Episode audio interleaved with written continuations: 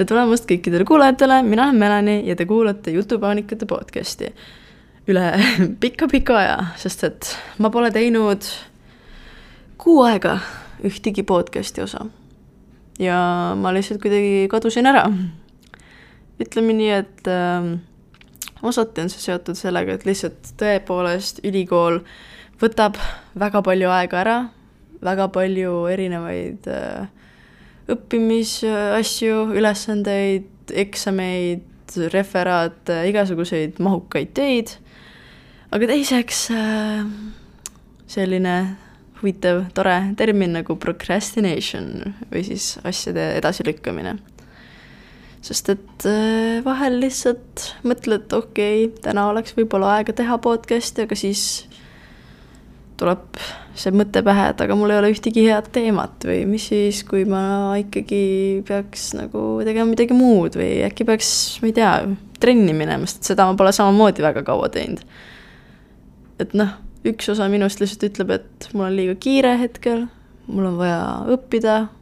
ma ei jõua neid asju teha, aga samas ma ju tean, et noh, mingitel hetkedel ma ikka jõuaks neid teha, lihtsalt podcast'iga ongi võib-olla raskem, sellepärast lihtsalt, et mul on vaja seda vaikset ruumi ja seda aega, et lihtsalt olla nii, et kedagi pole kodus. ja selle jaoks ma saangi kasutada mingisuguseid kindlaid päevi ainult, kus minul näiteks hakkab kool alles kell kaks ja mul on ainult üks loeng, siis ma saan hommikupoole näiteks salvestada teile ühe põneva podcast'i osa.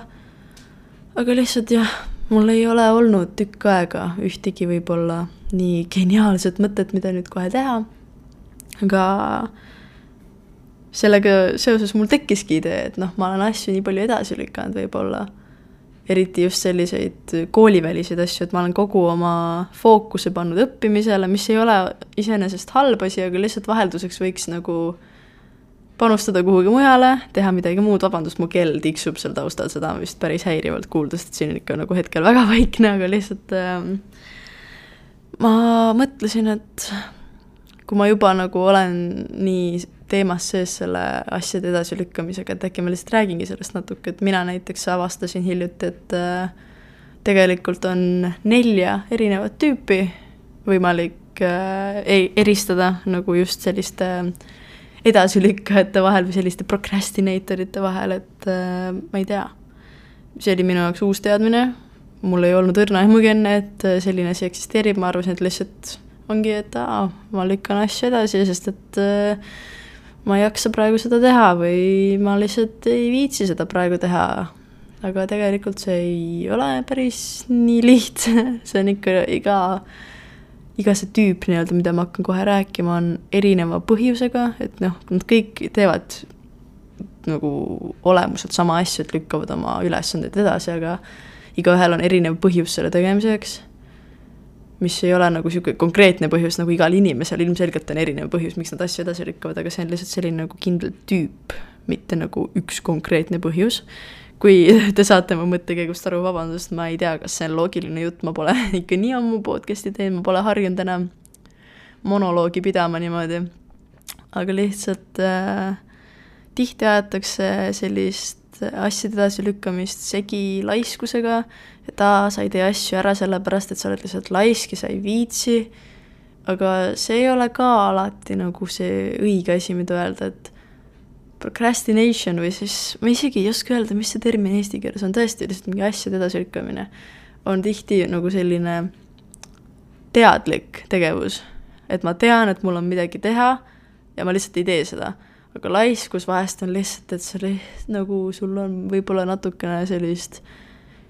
distsipliini vaja rohkem, et sul ei ole seda võib-olla elus piisavalt või sellist äh, struktu-, struktuuri ja siis sa nagu kuidagi ei suuda ennast motiveerida asju tegema. aga selline asjade edasilükkamine on natuke teistsugune. et noh, see võib tekkida sellest, et sul on näiteks madal enesehinnang või sul on ärevus noh, samamoodi tegelikult distsipliini puudumine võib mõjutada ka sellist asjade edasilükkamist, et sul ei olegi elus sellist kindlat struktuuri, et noh, minul näiteks ongi mingisuguste asjadega, et äh, tähtaeg on nii kaugel eemal ja mul ei ole nagu motivatsiooni ennast suruda mingeid asju tegema, sest ma tean, et aa, mul on nii palju aega, et noh, kuigi tegelikult samal ajal ma suudan endale ikkagi teadvustada, et see projekt on nii suur ja mahukas, et noh, see aeg on põhjusega antud, on ju, et ma jõuaksin selle ilusti ära teha, et see ei ole asi, mida võib-olla kahe päevaga saab tehtud. nii et äh, ongi selline kuidagi võib-olla mõte, et aa, mul on aega veel, mul on veel aega ja siis ühel hetkel sa avastad, et oi, enam ei ole aega ja siis noh, natukene hiljaks on ju, jääb asjadega või hilja peale või no, peab hakkama kiirustama ja ei saa võib-olla panustada nii palju, kui võiks või ei saa valmis võib-olla nii kvaliteetset materjali, olgu see siis mingisugune esitlus või referaat või mingi muu asi, essee, mis iganes, on ju, et noh, see lihtsalt ei tule nii hea, kui ta võib-olla tuleks, kui seda nagu lihvida ja teha pikaajaliselt, et iga natukese aja tagant võtad uuesti ette ja loed üle ja vaatad, et äkki sul on mingisuguseid mõtteid lisada või mingisuguseid lauseid, konstruktsioone muuta või parandada.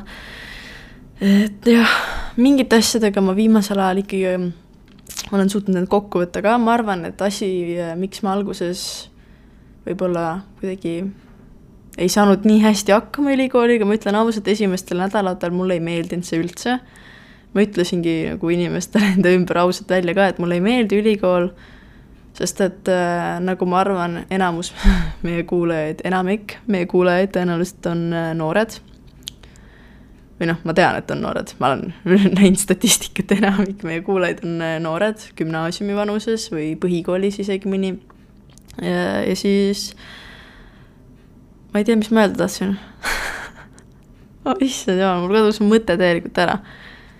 aa oh,, vot nii, kõik on, kõik on õigesti, nüüd tuli mõte tagasi, ühesõnaga, et äh, enamik meist äh, tõenäoliselt teab, et meile ei meeldi õppida. Et võib-olla jaa, vanematele räägime, et jaa, mulle nii meeldib või õpetajale ei ütle otse seda, aga no tegelikult me ju teame, et väga suur osa meist tegelikult ei salli õppimist, nagu me teeme seda ikka jah, aga see ei tähenda, et meile see meeldib, elus tuleb väga palju asju teha, mis meile ei meeldi, see teeb meist nagu parema inimese, kui me õpime tegema asju, mis meile ei meeldi ka. ja tegema koostööd inimestega, keda me ei salli, see kõik nagu kasvatab äh, iseloomu. Ja seda tuleb teha ja see on asi, mida kunagi ütles mulle ka mu joogatreener, et kui mingisugune harjutus siin trennis teile ei meeldi, siis see on väga hea. Te peategi tegema asju, mis teile elus ei meeldi, sest et nagu, kui sa hoiad nendest asjadest eemale, siis sa jäädki neid igavesti trotsima ja sulle ei hakka need kunagi meeldima, aga kui sa näiteks võib-olla surud läbi ja võib-olla natukene harjutad, siis sulle võib hakata meeldima. ja ma ei ütle, et see nagu on alati nii, ma arvan, et mulle ei hakka kunagi elus meeldima selline õppimine sellisel kujul, mulle meeldib ennast arendada, mulle meeldib õppida uusi asju, näiteks mingi ma ei tea, fotograafia on ju, on üks asi, mis mulle väga meeldib, et võib-olla mulle tõesti meeldib õppida erinevate võtete kohta või kuidas mingisuguseid pilte saab paremini teha. see on nagu enesearendamine, see meeldib mulle või siis erinevad maalimistehnikad, muidugi mulle meeldib seda õppida. aga mulle ei meeldi õppimine, kui see on lihtsalt selline igav teooria, mida mul hetkel on ülikoolis väga palju, eriti kuna ma õpin sellist eriala, et siis noh, eesti keele puhul tõesti, sa ei saagi väga kuidagi loovalt võib-olla läheneda sellele, mingisugused asjad sa tõesti peadki õppima lihtsalt kuiva teooriat ja see on see, miks mul oli nii raske, sest et ma olen iseloomult väga loov inimene, väga avatud mõtlemisega ja ma kuidagi tundsin, et mind surub see eriala kasti ja ma ei saa kuidagi tunda end vaba, vabalt ja mul ei ole kuidagi ülesannete tegemisel mingisugust nagu mõtteruumi või sellist äh, loova lahenduse ruumi nii-öelda, et ma peangi tegema väga konkreetselt küsimus-vastus, küsimus-vastus, noh, näiteks mingisuguste seminaride jaoks olid ettevalmistused, kus meil oli antud, et aa, loe läbi need kolm artiklit ja siis vasta küsimustele. ma saan aru, see on selleks, et äh, funktsionaalset äh, lugemist harjutada, ma saan täielikult aru, mille, missugusel eesmärgil see ülesanne on loodud aga see ei tähenda, et see meeldib mulle, ma suudan nagu analüüsida seda, ma mõistan, miks see on nagu vajalik asi, aga mulle ei meeldi see. ja esimestel nädalatel tõesti ma ütlesingi inimestele enda ümber ausalt, et mulle ei meeldi ülikool, mulle ei meeldi see, kui palju asju on teha, et noh, mul on tegelikult väga vähe loenguid nädala sees. Aga iseseisvat tööd on nendest nagu kaks korda rohkem, et noh, mul on tõesti selliseid päevi, kus mul on ainult kella kaheks vaja minna loengusse, mingisugustel päevadel kümneks see on kõige varasem, on ju, et noh, mul ei ole, mul ei ole väga palju loenguid, mul on neid üpris vähe. aga lihtsalt see maht iseseisvate tööde osas on nii suur, et nagu kompenseerida see loengute väike arv, et siis see tähendabki, et väga palju tuleb ise teha ja ma olen see inimene, kes võib-olla vajab seda struktuuri natuke rohkem, et ma olengi reaalselt klassiruumis või kuskil auditooriumis ja teen seal kaasa, selle asemel, et ma pean kodus ise tegema, sest et ma tihti ei leia võib-olla endas seda motivatsiooni, et midagi teha, kuna mul on lihtsam lihtsalt minna ja teha midagi muud, oih, ma lõin oma kella vastu lauda. Äh, mul on lihtsalt äh, lihtsam teha midagi muud, ma ei tea, vaadata telekat, joonistada, heegeldada, mul on praegu üks projekt käsil, mida ma heegeldan, et noh, ma pigem teen seda, kui õpin mingites olukordades, et lihtsalt see pakub mulle huvi isegi kui ma valisin eriala, mis mind huvitab, see ei tähenda, et mind huvitavad absoluutselt kõik need kursused, mida ma võtma pean, sest et noh, täpselt ma pean neid võtma, mul ei ole valikut. kui ma tahan seda eriala õppida, ma pean kõik need kursused võtma, nagu ilmselgelt inimestele ei meeldi kõik need. Ja siis lihtsalt äh, nüüd ma olen hakanud juba rohkem harjuma, ma olen nagu võib-olla aru saanud paremini, kui palju mingisugused asjad aega võtavad, et ma oskan nüüd oma aega natuke paremini planeerida. et ma tean, et okei okay,, et kui mul tõesti on mingi niisugune ülesanne, kus mul on vaja kolm erinevat artiklit läbi lugeda, et siis see artiklite läbitöötamine võtab päris palju aega, et siis ma arvestan endale ka päris korralikult aega, et ma seda jõuaksin ära teha õigeks ajaks aga kui ma tean, et mul on näiteks mingisugune lühike tunnikontroll, kus on võib-olla kümme küsimust, siis ma tean, et okei okay,, see võtab mul võib-olla maksimaalselt pool tundi, selle ma arvestan mingisse teise päeva, kus mul on nagu vähem aega, et siis selle ma jõuan seal päevas ikkagi ära teha. ja siis selle suurema projekti ma jõuan teha ära siis, kui mul on rohkem aega, et ma nagu oskan nüüd oma aega paremini planeerida ja ma tunnen võib-olla rohkem ennast äh, nagu, et noh, tunnen, et mul on kontroll jälle enda kätes et võib-olla tõesti, et miks ma tundsin end esimestel nädalatel nii kehvasti, oligi see, et ma tundsin, et minul ei ole absoluutselt kontrolli, et mulle lihtsalt visati terve patakas ülesandeid, öeldi, et nii, tee nüüd ära, mul on ükskõik millal või noh, üks, mitte ükskõik millal, vaid mul on ükskõik kuidas, aga selleks tähtajaks pead asjad ära tegema. ja siis kuidagi võib-olla libises see kontroll käte vahelt ära ja tekkis selline tunne, et ma ei saa ühegi asjaga hakkama, aga nüüd, kui ma olen nagu saanud juba paremini selle rütmi kätte ja mõistan seda ajakasutust, aja planeerimist paremini, siis mul õnnestub kõik paremini. aga ma tahtsin siis rääkida nendest erinevatest äh, asjade edasilükkajate tüüpidest. et noh, ma tahaks öelda väga hea meelega tegelikult procrastinator enamuse ajast, sest et noh, see lihtsalt võtab vähem aega, kui öelda edasi asjade edasilükkaja, aga noh, ma õpin eesti keelt, ma võiks rääkida rohkem eesti keeles, aga mul tõesti ei tule hetkel pähe ühtegi sõna, mida eesti keeles saaks selle jaoks kasutada. aga ühesõnaga esimene tüüp on selline, kes ütleb siis, et ma töötan pinge all väga hästi. ja siis äh, seda tüüpi edasilükkaja ongi inimene, kes äh, sunnib ennast fokusseerima sellele, et aa, mul on nii vähe aega et mingisugust asja teha. ehk siis äh, noh, see näitabki, et äh, issand, mul on, ma ei tea, selle meeletu pika uurimustöö kirjutamiseks aega ainult kaks päeva. ja siis sa keskendud ainult sellele, et sul on kaks päeva ja siis äh, see tavaliselt selline procrastinatori tüüp tekib sellest, et see inimene on väga perfektsionist. ja kui ta nagu sisendab endale, et tal on väga vähe aega, siis ta ühtlasi sisendab endale, et aa ah,, mul oli nii vähe aega, järelikult see ei saanudki olla nagu täiuslik, et siis ta nagu kuidagi võib-olla vähendab enda seda perfektsionismi tunnet või vähendab endale seda võib-olla ebakindlust või et aa, see töö ei ole täiuslik, aga noh, pole hullu, mul oli nagunii nii vähe aega, kuigi tegelikult, kui tegelikult, tegelikult, tegelikult. Ma ei oska täna rääkida, vabandust kuigi tegelikult oleks olnud sellel inimesel väga palju rohkem aega, aga ta hakkas tegema asja nii viimasel hetkel, et siis pärast öelda nagu vabandusena, et aa, mul oli nii vähe aega, järelikult see polegi täiuslik. ja siis sellise inimese suurim väljakutse ongi lihtsalt alustamine ja lahendus olekski see, et äh, selle asemel, et äh, seada endale see lõputähtaeg, et aa, asi peab olema valmis kaheteistkümnendaks detsembriks, tuleks hoopis äh, panna paika ka alustamistähtaeg enda jaoks, et ma alustan selle asjaga kuues detsember et siis mul on ilusti nädal aega aega, et seda asja teha ja ma jõuan, selle asemel, et sa keskendud ainult sellele, millal sul see peab valmis olema.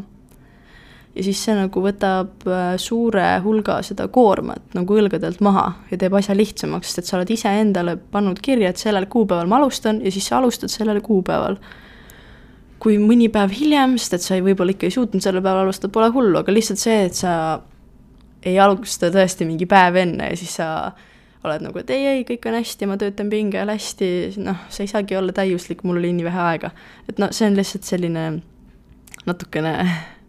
vajab tööd enda kallal võib-olla, et äh, aru saada, et sa teed sellist asja ja siis lõpuks sellest üle saada nii-öelda. siis äh, teine tüüp on selline, kes äh,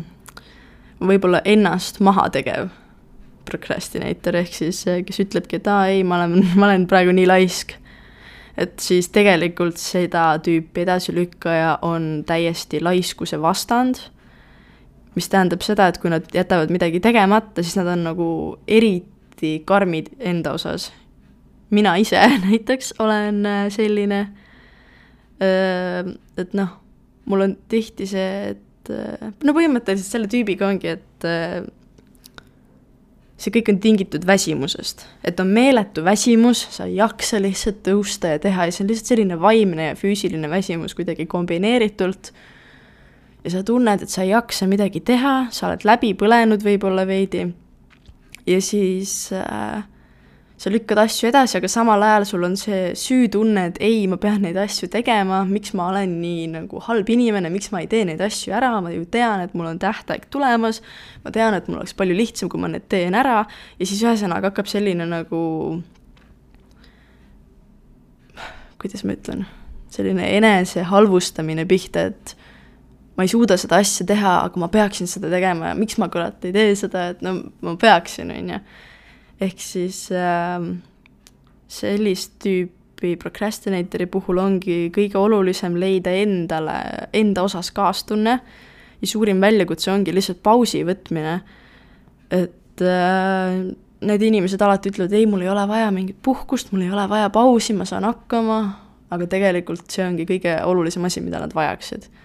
Et lihtsalt väikest puhkepausi, hingetõmbepausi, käid korraks jalutamas et see ongi lahendus, et lihtsalt äh, nagu täidad patareisid, et käidki lihtsalt äh, teed natuke kuskil trenni või lihtsalt lähed jalutad värskes õhus, äh, laed ennast natukene ja siis lähed värske peaga ja hakkad uuesti toimetama. et lihtsalt siis on natukene endal parem olla ja töö tõenäoliselt õnnestub ka paremini. kolmas tüüp on siis selline ületöötaja, kes ütleb, et mul on kogu aeg kiire. Ja siis äh, selline asjade edasilükkaja ongi siis äh, meister, et äh, paneb oma kalendri igasuguseid tegemisi täis ja siis tunneb ennast järsku üleküllatult, et siis tekibki see vabandus, et mul on nii kiire, sellepärast ma ei jõua seda või seda või seda asja teha, aga tegelikult tavaliselt need inimesed, kellel on kõige rohkem tegemisi, saavad ka kõige rohkem asju tehtud, et noh, kui see mul on nii kiire, muutub vabanduseks, et mitte mingit asja teha, siis see tavaliselt näitab pigem sellist äh, vältimist, et sa lihtsalt kasutadki reaalselt seda vabandusena, et sul ei ole päriselt nii kiire, et sa ei jõua seda asja teha, vaid sa lihtsalt vabandad seda millegiga, sest et sa üritad mingit asja vältida. Ja lihtsam on äh, teisi asju kasutada vabandusena, et noh, sul on veel mingeid olulisi asju teha ja siis sa süüdistad neid selles, et sa mingit teist asja ei suutnud teha. Ehk siis äh, kõige suurem väljakutse sellisele tüübile ongi see, et äh, tuleb lihtsalt vaadata otsa sellele, mida sa tegelikult üritad vältida, ma ei tea, mis asi see praegu oli, mida ma taustal kuulsin, aga lihtsalt kõige suurem väljakutse ongi see, et sa pead lihtsalt äh, nagu minema pea ees vastu sellele, mis sul nagu ees ootab, et sa ei tohi asju vältida. Ja no ongi reaalselt äh,, lahendus ongi lihtsalt, et sa võtad hetke ja küsid endalt, et mida ma päriselt väldin, mis asi see on, mida ma lükkan edasi, ja see ei pruugi olla isegi mingisugune tegevus. See võib olla kel-, nagu noh, tegevus selles osas, et see ei pruugi olla mingisugune ülesanne või harjutus või asi, mingi ülikooli asi või see võibki olla reaalselt, sa väldid mingi inimesega kokkusaamist või sa väldid äh, mingisuguse konflikti lahendamist ja ütled, et mul on nii kiire, mul on nii palju asju teha selleks, et seda ebameeldivat asja vältida. ja siis äh, neljas inimene, mida ma pean tunnistama, olen vahel mina ka, kuigi enamasti ma ikkagi äh, ütleks, et ma olen see teine tüüp, kes ikkagi siis äh, lihtsalt vajab, vajab, vajab, vajab natuke seda puhkust, natukene sellist laadimisaega aga neljas tüüp ongi siis selline, kes äh, võtab hästi palju projekte kohe endale kaela ja ütleb, et noh, mul oli just kõige parem mõte üldse. Ja siis ongi, et äh, nendel inimestel tulevad kogu aeg uued mõtted, uued projektid, mida teha, aga siis nad väsivad neist ära kuskil nädala pärast ja jätavad need pooleli. et nagu neile tekitab mingisugune asi hu põnevust, huvi, nad näevad mingit asja internetis ja on nagu, oh, ma tahan ka niisugust asja teha aga nad ei lõpeta seda projekti kunagi ära. Et nad, äh, need inimesed suudavad teha häid otsuseid ja suudavad alustada asju ja nagu leida endas seda motivatsiooni, et asju alustada, mitte nagu näiteks oli ju esimene tüüp, kes, kelle just äh, suurim väljakutse oligi see alustamine, et nad pidid endale leidma selle aja, et alustada, siis nendel inimestel siin ei ole seda probleemi, aga neil on just probleem asjade lõpetamisega, et kõik asjad jäävad poolikuks, nad teevad nii palju asju korraga. Ja siis äh, see ongi nende suurim väljakutse, asjade äralõpetamine. Ja lahendus sellele on soovitatud, et äh, sa kirjutad kõik oma uued äh, projektid või ideed üles sellisele kleepivale märkmepaberile, aga sa ei hakka neid asju enne tegema, kui eelmine asi, mis nagu noh, mille kallal sa praegu töötad, on tehtud, siis sa saad selle paberi ära visata ja võtta järgmise ette et äh, sa ei tohi nagu kõiki asju korraga teha. Et ma tõesti vahel tunnen, et mul võib-olla tekib ka sellist asja, et, äh, mul on nagu rohkem see tingitud sellest, et mul tekib mingisugune ajutine motivatsioonipuhang, et ongi, et ma olen võib-olla saanud veidi puhata ja siis järsku tuleb meeletu motivatsioonilaine ja siis tahaks nagu kõik asjad selle ühe laine sees korraga ära teha, et ma teen nüüd referaadi, ma teen tunnikontrolli, ma kuulan loengut järgi, ma kuulan keelekonverentse, ma lähen teen trenni, siis ma teen endale ilusa mingi korraliku hommikusöögi selle asemel, et söön mingi ühe võiku, on ju, ja siis proovin veel heegeldada oma seda projekti ja siis veel äh, teen ühte, teist ja kolmandat asja, et noh, see lihtsalt viib selleni, et sa oled uuesti kohe läbi põlenud ja vajad uut, uut pausi. Et äh, see ei ole kõige mõistlikum viis, kuidas seda probleemi lahendada, et pigem ikkagi keskenduda ühe asja peale. aga jah, see on lihtsalt äh, minu arust selline nagu väga huvitav lugeda niimoodi, et on neli erinevat tüüpi, sest et ma, ma tõesti ütlen, et mina ei teadnud sellist asja, et see oli minu jaoks täiesti uus mõte. Ja noh, neid äh, lugedes ma sain täiesti hästi aru, et ma tõesti ikkagi kuulun väga konkreetsesse, konkreetsesse juppi. Ja nagu äh, ma arvan, et sellised asjad on nagu head, vot sellist tüüpi arend-, enda arendamine mulle jälle meeldib, selline õppimine, on ju, iga päev õpid midagi uut, mulle meeldib, kui need asjad, mida ma õpin, on sellised, on ju, et need aitavad mind elus. ja aitamise all ma mõtlengi just seda, et äh, aitavad mul saada paremaks inimeseks. ma olen üheksateist, ma ei tea elust palju ja ma arvan, et see, et ma suudan endale teadvustada, et ma ei tea elust palju, tähendab juba väga palju. Sest et äh, meie vanuses on tihti kombeks käituda, nagu me teaksime kõike või arvata, et me teame kõige paremini, mingite asjade puhul võib-olla tõesti, on ju. sest et iga generatsioon teab erinevaid asju paremini, näiteks ma täiesti enesekindlalt usun, et minu generatsioon teab vaimsest tervi-, tervisest palju rohkem kui võib-olla vanemad generatsioonid. Ja meid tihti kutsutakse lumehelvesteks selle pärast või et me võtame kõike väga kergelt hinge ja mingil olu-, mingites olukordades võib-olla tõesti, aga mingites olukordades ma lihtsalt arvan, et see on lihtsalt meie teadlikkus vaimsest tervisest ja kuidas see inimesi mõjutab, et noh, mida sa ütled ikkagi mõjutab teisi, sõnad mõjutavad, teod mõjutavad, et me lihtsalt võib-olla suudame seda tunnistada rohkem ja mõistame seda paremini ja sellepärast me väldime mingisuguseid asju või ütleme välja, et aa, kuule, et ära nii ütle inimesele, et see teeb haiget. ja siis tihti noh, saamegi selle, et aa, oled lumehelbekeste generatsioon bla,, blablabla, noh, mida iganes, on ju, see on iga inimese enda vaatenurk, seda ma ei saa muuta. lihtsalt äh, ma isiklikult arvan, et äh, mingisugustes asjades tuleb teadvustada ikkagi, et me ei tea kõike. et mul on olnud äh, olukordi, kus ikkagi ma olen täiesti endaks, endal see, issand, ma ei oska rääkida täna, olen endale kindlaks jäänud mingisuguses asjas, kas või kõige lihtsamas asjas, näiteks et kui ma olin kolmteist, neliteist, siis mul oli väga suur äh, vajadus äh, oma juukseid äh, kuidagi kanda niimoodi, et seitel oli väga külje peal, mitte keskel, nagu ma nüüd kannan ja ma arvasin, et see on imeilus. kuigi ema ütles, et ei, kuule, see on kole, ma ütlesin ei, sa ei tea midagi, mulle meeldib nii. ja nüüd, kui ma vaatan tagasi nendele piltidele, ma näen, et see on tõsiselt, tõsiselt kohutav ja ma oleks pidanud kuulama, aga no ma tol hetkel ei teinud seda, sest ma arvasin, et mina tean paremini. et jah, okei okay,, see on võib-olla pisike tähtsusetu asi sellises suures pildis aga vahel on ka selliste suuremate asjadega seda, et sa peaksid kuulama mõnda inimest, kes teab paremini ja ma ei ütle, et alati need on su vanemad, lihtsalt üleüldiselt keegi, kellele nagu sa vaatad alt üles, et keegi, kes on sinu jaoks eeskuju. et nagu vahel, vahel võib neid kuulata ka, et me ei tea kõike alati. aga lihtsalt mulle meeldibki just selliseid äh, asju lugeda ja uurida, sest et äh, täpselt nagu ma enne juba alustasin, on ju, et see aitab mul äh, saada paremaks inimeseks. ja ma arvan, et see ei ole asi, mida peaks ainult tegema noor generatsioon, et aa, sellepärast, et ma olen üheksateist ja ma elust veel palju ei tea, et ainult siis ma pean ennast nagu arendama ja uusi asju õppima, ma arvan, et igas vanuses peab, kui sa oled kolmkümmend, kui sa oled nelikümmend, viiskümmend, kaheksakümmend, sa igas eluetapis peaksid tahtma end pidevalt arendada, sest et keegi pole täiuslik. Nagu mitte keegi pole täiuslik. Ja me kõik saame end alati arendada, me kõik saame end alati muuta, isegi siis, kui me oleme näiteks teinud aastaid asju samamoodi, me saame ennast endiselt muuta, me saame suruda alla neid iseloomujooni, mida me oleme kasutanud aastaid, kui need tegelikult me avastame nüüd alles, et need teevad halba. selles ei ole midagi hullu, näiteks issand, ma ei oskagi ühtegi näidet tuua, oletame, et äh, mõni inimene on aastaid, tõesti, noh, näiteks see, mis ma tõingi välja, on ju, et vanem generatsioon tihti ei mõista vaimset tervist. oletame, et ongi inimene, kes on nagu kasvanudki üles niimoodi, et tema jaoks on vaimne tervis alati olnud selline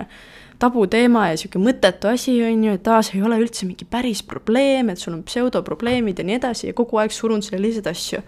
ja võib-olla sellel inimesel on oma lapsed nüüd. ja ta sisestab oma lastele täpselt samasugust juttu, või kuidagi tekitab neile tunde, et nende probleemid ei ole päris probleemid, sellepärast et need on vaimsed. ja noh, see ei ole, see ei ole väga positiivne asi, mida teha, eriti omaenda lastele. ja noh, oletamegi, et see inimene nüüd mõistab seda, siis tal on nüüd kaks valikut. kas ta otsustab olla kange või selline trotsi täis, et ei, minul on õigus, mina ei eksi kunagi või isegi kui eksin, ma ei tunnista seda. see viib mitte kõige parema lahenduseni, tõenäoliselt ühel hetkel need lapsed hakkavad tõrjuma seda lapsevanemat, nad ei taha temaga tegemist teha, sest et see lihtsalt, see ei ole meeldiv inimene, kellega olla, kes ei suuda tunnistada oma vigu teine variant ongi, et okei okay,, jah, ma tõesti, ma olen väga palju elanud, ma olen väga palju näinud, aga ma tunnistan, et ma ei tea ka kõike, sest et see on minu arvates kõige olulisem asi üldse maailmas, tunnistada, et me ei tea kõike, ükskõik mis vanuses me oleme. see, et mõni inimene ele-, on elanud kauem kui teine, jah, tal on mingisuguseid kogemusi rohkem, aga võib-olla mingisuguseid kogemusi vähem. et see ei tähenda, et äh, iga neljakümneaastane teab rohkem kui äh, kahekümneaastane, et mõni kahekümneaastane võib-olla teab palju rohkem, sest et ta on palju rohkem lugenud, ta on haritum, ta silmaring on laiem, ta on rohkem reisinud, näinud eri kultuure, ta on võib-olla palju avatum või aktsepteerivam, võib-olla on täiesti vastupidi, on ju, et noh, minu arvates vanus ei ole see, mis mõjutab silmaringi ja seda, kui palju me teame või kas me teame teistest rohkem, et seda ikkagi mõjutab see, kui palju sa elus õpid ja end arendad ja erinevaid seisukohti suudad vastu võtta. et ma arvan, et see on üks kõige olulisemaid asju elus, et sa oled avatud mõtlemisega ja sa suudad võtta vastu teiste inimeste seisukohti. et ma olen äh, nii põhikoolis, nii gümnaasiumis kui ka ülikoolis nüüd näinud inimesi, kes ei ole absoluutselt võimelised võtma vastu teisi seisukohti või siis kui sa avaldad oma arvamust, siis läheb täielikult väitluseks, aga ma ei taha alati inimestega väidelda või ma vaidlema hakata, ma tahan lihtsalt avaldada oma seisukohta. Nii et tema võtab selle vastu, mina võtan tema oma vastu, isegi kui ma sellega ei nõustu, ma olen nagu okei okay,, see on huvitav mõttekäik, ma mõtlen selle peale veidi. Ja võib-olla mõni teine päev ma tulen tagasi, et aa, kuule, et see oli päris huvitav mõttekäik tegelikult, ma uurisin selle kohta veidi ja sul on mõned asjad täiesti nagu, mõnes asjas täiesti õigus. Et ma saan aru, et mõni asi sellest oli sinu arvamus, aga mõni asi, mis sa ütlesid, oli väga tegelikult äh, arukas tekst. aga selle asemel mõne inimesega lihtsalt äh, võib-olla ei ole võimalik niimoodi rääkida, et see tekibki kohe selline vaidlusmoment või väitlus, mida ma alati ei soovi, ma soovin rahulikult suhelda, avaldada oma arvamust, võtta vastu teise inimese arvamust ja siis on selline rahulik vestlus lihtsalt, on ju. et me võrdleme arvamusi, me avardame mõlemad oma silmaringi, et näiteks inimesed, kes on äh, sotsiaalmeedias ainult äh, jälgivad kasutajaid, kellel on nende arvamus, et noh, siis nad ongi ümbritsetud ainult sellest enda maailmast, enda arvamusest ja nad ei teagi mitte midagi muud. et noh, see on, see on selline surnud ring võib-olla, et sa ei arene, sa ei muutu paremaks, võib-olla sa isegi muutud halvemaks inimeseks. et jah, minu jaoks nagu sellised kõige olulisemad märksõnad võib-olla ongi noh, hea inimese juures või sellise arenemise protsessi juures see, et sa oled esiteks avatud, avatud äh, muutustele, avatud teiste inimeste arvamustele ja üleüldiselt lihtsalt hästi avatud mõtlemisega, et kui keegi ütleb midagi, mida sa pole enne kuulnud, siis sa ei tee seda kohe maha või kui keegi ütleb midagi, millega sa pole sada protsenti nõus, et siis sa ei hakka kohe vaidlema, on ju. teiseks, minu arvates on väga oluline teadvustada endale, et sa ei tea kõike sest et ilmselgelt sa ei tea kõike. maailmas on väga palju asju, mida teada, keegi ei saa teada kõike. saab teada väga palju, saab teada väga vähe, aga mitte kõike ja siis äh, kolmandaks ma arvan, et ongi see, et kui sa oled juba avatud mõtlemisega ja sa oled juba teadvustanud endale, et sa ei tea kõike, siis sa hakkad rohkem lugema erinevaid artikleid või vaatama mingisuguseid videoid, et näiteks minu jaoks on, äh, ma olen leidnud ühe tüdruku Youtube'is, kes teeb Youtube'i videoid, aga need on nagu videoesseed. ehk siis tal on nagu mingisugune kindel teema ja siis ta võtab argumendid ja siis ta räägib iga argumendi niimoodi pikalt läbi. näiteks äh, eelmine podcast'i osa, on ju, põhines mingitel nendel lõikudel, mis ta nagu ette rääkis ja sealt ma nagu avastasin ka mitmeid mõisteid, mida ma polnud enne kuulnud. et äh, ma leidsin sellele tüdrukule lihtsalt täiesti suvaliselt äh, Youtube'ist, viskas mulle nagu soovitusena ette ja siis ma hakkasin seda vaatama ja see on väga huvitav, et ma leidsin nagu noh, näiteks minu jaoks ülipõnev oligi üks video kiirmoest, et noh, tänapäeval ju enamasti tehakse kiirmoodi kohe maha ja kui sa ostad kiirmoodi, siis sa oled nagu väga halb inimene. aga siis ta tõigi välja nagu teise argumendi, et kõikidel inimestel pole muud võimalust osta, kui osta kiirmoodi, et noh, kui sul ikkagi on tõesti peres võib-olla seitse last ja sul ei ole kõige parem sissetulek, et sul ei olegi muud võimalust, kui osta neid odavaid riideid. Mis siis, et nad teevad maailmale halba ja võib-olla ei kesta väga kaua, aga sul ei ole lihtsalt raha, et osta kalleid kvaliteetseid riideid, sest et sul on ikkagi no, sul piiratud äh, ressurss, on ju et äh, lihtsalt sellised videod on väga huvitavad minu arvates, nad avavad silmi, nad laiendavad äh, silmaringi, on ju, et sa suudad mõista erinevaid vaatenurki. et võib-olla tõesti mõni inimene ongi täiesti kiirmoe vastu, ei, see on kohutav, see on maailmale halb, sa ei tohi seda osta ja noh, ma täiesti mõistan seda, aga ma mõistan ka teist poolt inimesi, kellel pole rahaliselt võimalik seda teha. et noh, selle video all oligi väga palju kommentaare näiteks, mis ütlesidki väga, noh, võtsid väga kuidagi ilusti kokku kogu selle video. et noh, näiteks, et kiirmoe ostmine on väga normaalne asi senikaua, kuni seda tehakse mõõdukalt, ehk siis kui ongi tõesti inimesed, kellel pole võimalik osta kallimalt, ostavadki endale need asjad, mida neil on vaja, mitte rohkem. Versus siis need äh, tüdrukud, kes TikTokis teevad mingi neid äh, Sheini hoole, et aa, vaadake, ma ostsin endale nii palju erinevaid särke ja siis lihtsalt suur pappkast tehakse lahti ja kallatakse välja terve hunnik nendes väikestes plastikkotikestes äh, särke ja kleite, mis tõenäoliselt kõik kestavad kuskil ma ei tea, maksimaalselt nädal aega. Ja siis pooled asjad, mis nad selga proovivad, nad avastavad, et ei, need ikkagi ei sobi ja viskavad juba kohe minema. või noh, selles Youtube'i videos ma juba nägingi, et oli reaalselt näidati erinevaid äh, kaltsukaid Ameerikas ja pooled neist olid täis juba Sheini erinevaid riideid. et noh, see, vot see on nagu selline halb kiirmaast, on ju, et kui sa lihtsalt ostad hunnikutes, sest et see on odav ja sul on raha, et noh, kiirmaja ostmine tõesti ongi, et kui sa nagu vabandad selle, oih, ma lõin nüüd oma käe ära, ma ikka suudan ennast täna ära lüüa ja ma ei oska rääkida ka, ma ei tea, mis täna toimub. igatahes, kui sul ikkagi on raha, et osta viiesaja dollari väärtuses odavaid riideid, siis tõenäoliselt sa selle raha eest pigem saaksid osta endale kvaliteetseid riideid. jah, sa saaksid neid väga palju vähem kindlasti, kui sa saaksid sealt kodulehelt, on ju, või sellelt veebilehelt aga sa saaksid asju, mis kestavad ja mida sa ei pea ära viskama pärast ühte pesu. et noh, see on selline põhimõtete küsimus, ütleme nii, või maailmavaate küsimus. aga lihtsalt äh, jah, ma soovitan äh, kõikidel inimestel lihtsalt pidevalt tegeleda enda harimisega, enda arendamisega, sest et äh, minu arvates meil kõigil peaks olema üks selline suur eesmärk elus olla parem inimene. et me tahame ju kõik ikkagi oma lähedastele head me tahame endale head ja kõige parem viis, kuidas seda teha, olla nii hea inimene, kui sa vähegi saad. ja see ei tähenda, et me peame kõik olema nüüd ema Theresad, on ju, vaid ma lihtsalt mõtlen selle all, et nagu me peame andma endast parima, et olla meeldivad inimesed, et olla lahked, et olla sõbralikud, abivalmid, heatahtlikud, ausad, kuigi noh, väike valge vale kuskil vahel alati, noh, me ei saa täielikult võib-olla ausad vahepeal olla, et mingis olukorras see on jällegi see, mis tähendab, et sa oled hea inimene, kui sa suudad teise inimese tundeid näiteks säästa mingisuguse valge valega, on ju, et noh, ma ei tea, mis oleks hea näide, oletame, et öö, su sõber on vetsus, talle helistatakse, sa võtsid vastu, sest te olete nii head sõbrad, vahet ei ole, ja talle helistas äh, mingisugune tööandja, kelle juures ta käis intervjuul ja siis ta ütleb, et äh, ei, te ei saanud tööd, et te olete nii, ma ei tea, pagana loll, on ju, mis iganes, oletame, see on väga ebaprofessionaalne, aga oletame, et keegi helistab niimoodi, on ju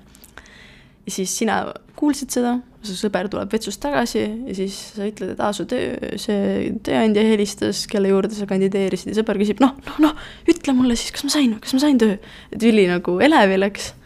aga sa ei taha talle öelda, et ei, kuule, et ta ütles, et sa oled loll, et sa ei saa töökohta, on ju. vaid sa ütledki, et vabandust, sorry, on ju, et ta ütles, et sa kahjuks ei saa, et nad leidsid kellegi teise. jah, see võib olla vale aga sa tegid seda selleks, et säästa selle inimese tundeid, et mingites olukordades see on nagu vajalik. ja see ongi võib-olla see inimeseks olemise võlu, et sa pead mõistma, mis hetkedel, mida sul on vaja kasutada, mingitel hetkedel selleks, et näidata inimesele kaastunnet, sa pead võib-olla veidi valetama. mingites olukordades sa pead ütlema täiesti julmalt, ausalt kõik välja, et selline võib-olla tough love, karm armastus, on ju, et noh mingites olukordades see aitab paremini. aga lihtsalt äh, minu jaoks on lihtsalt üks väga oluline asi elus see, et sa näed enda kallal vaeva, et kuidas sa saad näiteks olla inimene, kes arvab, et ta on täiuslik siis teha teisi kõiki maha, on ju, et ma, ma ei suudaks kunagi öelda teistele inimestele, et kuule, et sinul on see valesti, sinul on see valesti, sinu puhul häirib mind see, samal ajal kui ma ennast üldse ei muudaks või ei arendaks, mitte et ma praegu, kui ma sellega tegelen, ikkagi teisi maha teeks ja ütleks, et kuule, aga teie juures on kõik valesti, mitte üldse seda. lihtsalt vahel mingite asjadega sa tahad ikkagi arendada enda teist poolt ka, kas see on siis su parim sõber, kas see on su elukaaslane, partner, on ju, et ikkagi tasub välja öelda ausalt, et meil Karliga ongi kokkulepe, mis ma arvan, et on asi, mis on muutnud meie suhet ka hästi tugevaks, on see, et meil on kokkulepe, et kui meid midagi häirib teise inimese juures, me ütleme selle välja. et noh, ma ei hakka siin kõigi ees nüüd mainima asju, mis meid äh, üksteise juures häirivad, et see on ikkagi selline privaatne asi, on ju. aga lihtsalt ongi, et noh, kui ma toon suvaka näite, oletame lihtsalt, noh, see ei ole praegu üldse meiega seotud, aga oletame, et kedagi mingi tõsiselt häirib, et kuule, et mulle ei meeldi, kui sa sööd, ma ei tea, suu lahti, on ju, mis iganes, mingi, siis sa ütled seda teisele inimesele, tema harib ennast selle osas, on ju, lõpetab matsutamise ja ta on kohe selle võrra viisakam, on ju, sa nagu natuke parandasid seda inimest ja tema võib-olla ütleb sulle vastu, et kuule, et mulle ei meeldi, et sul läheb hommikul aega tund aega, et ennast valmis saada. et me jääme alati hiljaks, näiteks. ja siis sa oled nagu, aa, okei okay,, ta ütles mulle seda, ma proovin nüüd teha kiiremini. ja siis noh, sa tegelikult säästad enda hommikuaega ka tõenäoliselt, on ju ja te ei jää enam hiljaks, nii et mõlemad olete ennast arendanud ja see tegi teie elukvaliteedi ka paremaks. et selliste asjade väljaütlemine on minu arvates väga oluline, eriti kui sa oled inimesega suhtes, et noh, kui sa ühel hetkel võib-olla kokku kolid või võib-olla kunagi abiellud inimesega, on ju, et noh, sa ikkagi tahad, et see inimene oleks nagu igapäevaselt sinu jaoks talutav, mitte et okei okay,, vaata, noorena on lihtne võib-olla, kui sa ei ela veel koos ka, et sa näed mingiks paariks päevaks, saate kokku, paar päeva olete eraldi, on ju, igaühel on oma aeg, saate nagu võib-olla veidi nii-öelda siis rahu või võib-olla, ma isegi ei oska öelda niimoodi, natuke lihtsalt oma aega. aga kui sa elad inimesega koos, siis sa oled ikkagi ju iga päev selle inimesega koos. nii et kui nende juures on tõesti mingisugune asi, mis sind ikka nagu äärmiselt, äärmiselt segab, siis noh tõenäoliselt see kooselu ei ole väga meeldiv, sul on väga ebamugav olla ja teine inimene võib-olla isegi ei tea, et see, mida ta teeb, häirib sind, sest et sa pole seda kunagi öelnud ja ta ei saa aru, miks sa näiteks võib-olla temast eemale tõmbud või miks sa mingisuguseid asju teha ei taha. ma ei tea, oletame, et telekat vaadates sulle ei meeldi, et ta võtab kogu pleedi endale või ma ei tea, on ju. et noh, võib-olla siis sa tõmbad eemale, sa ei taha enam vaadata koos telekat, et sa nagu tunned, et aa, sa mõtled ainult enda peale, sa tõmbad pleidi endale, aga võib-olla tema arvas terve aeg, et sul ei ole külm, sest et sul on pusa seljas. aga noh, võib-olla sul on siis ka külm, on ju, no ühesõnaga mingid siuksed suvalised asjad, ma ei tea. et noh, nende kallal sihuke nääklemine ei ole ka mõttekas ja kuidagi endas hoidmine on üldse täiesti kõige halvem, mida sa üldse teha saaks, et kui sa hoiad endas kõike seda, siis lihtsalt see lõpebki sellega, et ühel hetkel sa plahvatad, tekib mingisugune suur tüli ja siis teine inimene järsku, tema ju ei tea, mis su peas toimub, inimesed ei oska mõtteid lugeda ja see ei käi ainult nii, et, naised ei ütle midagi, mehed ka väga tihti ei ütle mitte midagi ja naised ei oska täpselt samamoodi mõtteid lugeda, mõlemad pooled peavad ikkagi suhtlema, sest et keegi ei oska mõtteid lugeda, on ju. et noh, kui sa hoiadki terve aeg mingisuguse probleemi endas ja siis ühel hetkel plahvatad, siis teine inimene nagu näeb seda justkui välk selgest taevast, et ta nagu, kust see nüüd tuli. võib-olla sind on see nagu vaevanud juba kuid aga tema ei teadnud midagi ja ei märganud seda ja nüüd ma tean, et väga palju kindlasti on inimesi küsitlevad, aga kui ta mind tõeliselt tunneb, ta oleks pidanud seda märkama. ei. kui sa oskad seda väga hästi varjata või kogu aeg ütled, et sul on ikkagi kõik korras, siis inimene ikkagi usub, et sul on kõik korras. ta ei arva, et kui sa oled suhtes, siis sa valetad kogu aeg selle kohta, et noh, ikkagi sellist lapsikust võib, võiks natuke alla ka suruda, et ei, ta kindlasti saab aru. ta ei pruugi aru saada, sest et kas sina saaksid aru alati, kui ta ütleb, et ei, mul on ausalt kõik korras, mul on kõik super, on ju, mitte midagi ei häiri mind, eriti kui ta teeb seda väga veenva tooniga ja ei tee mingisuguseid, ma ei tea, mossis nägusid samal ajal, noh, sa ju ikkagi jääd uskuma, sa ei arva, et su partner valetab sulle sellise asja osas, et noh, keegi ei oska mõtteid lugeda. nii et rääkige, suhelge öelge, mis teid häirib üksteise juures ja siis mõlemad saavad neid asju enda juures muuta, välja arvatud juhul, kui need asjad tõesti on täiesti absurdsed, nagu ma tean, et üks mees läks kunagi mingisugusesse kohtingu saatesse niimoodi, et ta võttis naise jaoks terve listi. et noh, ma vaatan sulle praegu peale, sa peaks niisugune viisteist kilo kaotama, sa peaksid oma blondid juuksed mustaks värvima, noh, mulle meeldiks, kui sa kannaksid natuke rohkem meiki. Äh, ma arvan, et äh, kui me käime kuskil söömas restoranides, et siis sa võiksid süüa ainult salateid Äh, et mulle väga ei meeldi, kui naised söövad liha, sa võiksid kanda rohkem kleite kui pükse, noh, ühesõnaga niisugune meeletu list, on ju, et no see on ilmselgelt absurdne, et see ei ole nagu inimese muutmine paremaks, see on lihtsalt inimese muutmine selliseks, nagu sina tahad, et ta oleks, on ju. aga noh, ikkagi tuleb öö, silmas pidada, et inimene on, nagu ta on kui need asjad ikkagi on mingisugused väga-väga massiivsed asjad, mis sind häirivad, siis võib-olla tuleb lihtsalt tunnistada, et te ei ole väga kokku sobivad, et teil ei ole võib-olla kõige parem sobivus, on ju. Aga lihtsalt ähm, sellised väiksemad asjad, mis võib-olla lihtsalt natukene jäävad närima, et need tuleks ikka välja öelda, mõlemad inimesed saavad ennast selle osa, osas parandada, arendada ja selle tulemusel nagu suhe ise kogu tervikuna paraneb. et jah, ma ei tea, kuidas me jõudsime sellise asjade edasilükkamise juurest äh, suheteni taaskord, aga lihtsalt äh, jah, võib-olla ma pole tükk aega siin äh, monoloogi pidada saanud, et nüüd vahelduseks niisugune põnev, põnev vestlus või noh, jah, vestlus ei ole võib-olla kõige õigem. Aga lihtsalt äh, jaa, selles osas äh, ma mõtlesin, äh, et äkki, ma ei tea, kui inimesi, inimestele pakuks huvi selline asi, siis noh, meil on äh, Spotify's on äh, meie Youtube aunikute selle handle'i all on ilusti meiliaadress, kuhu saab kirjutada, meie Instagrami saab alati kirjutada, et kui kellelgi on näiteks mingisuguseid küsimusi nende asjade osas või tahate minult või Karlilt nõu saada mingite asjade osas, või lihtsalt tahate rääkida näiteks oma loo, kuidas te olete mingeid asju teinud, olenevalt, mis teemast me räägime või ükskõik millest, on ju, et aa, ma ei tea, et minul oli suhtes selline asi, kuidas te lahendaksite selle probleemi või et aa, ma ei tea, et ma nagu ei tundnud, et ma sobituks ühtegi sinna procrastinator'i tüüpi, et ma olen pigem selline, et no lihtsalt meil oleks põnev lugeda neid asju vabalt. nii et no isegi siis, kui me ei räägi nendest niimoodi otse siin podcast'is, lihtsalt meil isiklikult oleks põnev lugeda neid, me saame võib-olla vastata, et kui keegi tahab midagi sellist teha, siis noh, ütlen lihtsalt, et alati on nagu teretulnud need asjad. sest et meile meeldib meile meeldib nõu anda asjade osas. et jah, see on, see on alati tore. ja lihtsalt äh,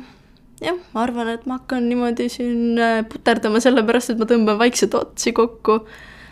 äh,. tänaseks siis ma arvan, et on kõik. sain enam-vähem räägitud selle, mis ma rääkida tahtsin ja ma luban, et ma nagu proovin rohkem teha neid osi, ma ei luba, et neid tuleb rohkem kohe niimoodi nüüd paugust, aga ma luba, luban, et ma proovin nüüd hakata jälle ilusti tegema neid äh, graafikus,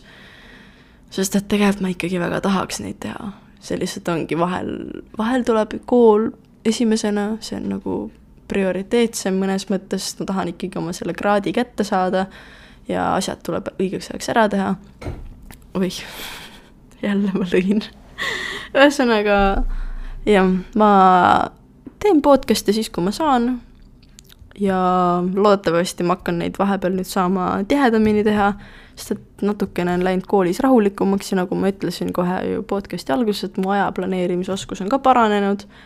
et siis ma oskan ise kuidagi jaotada paremini seda aega, millal ma saan podcast'i ka teha. nii et äh, loodetavasti näeme järgmine nädal või kuulete mind juba järgmine nädal. aga kui ei ole nii, siis näeme, millal näeme aga jaa, tšau.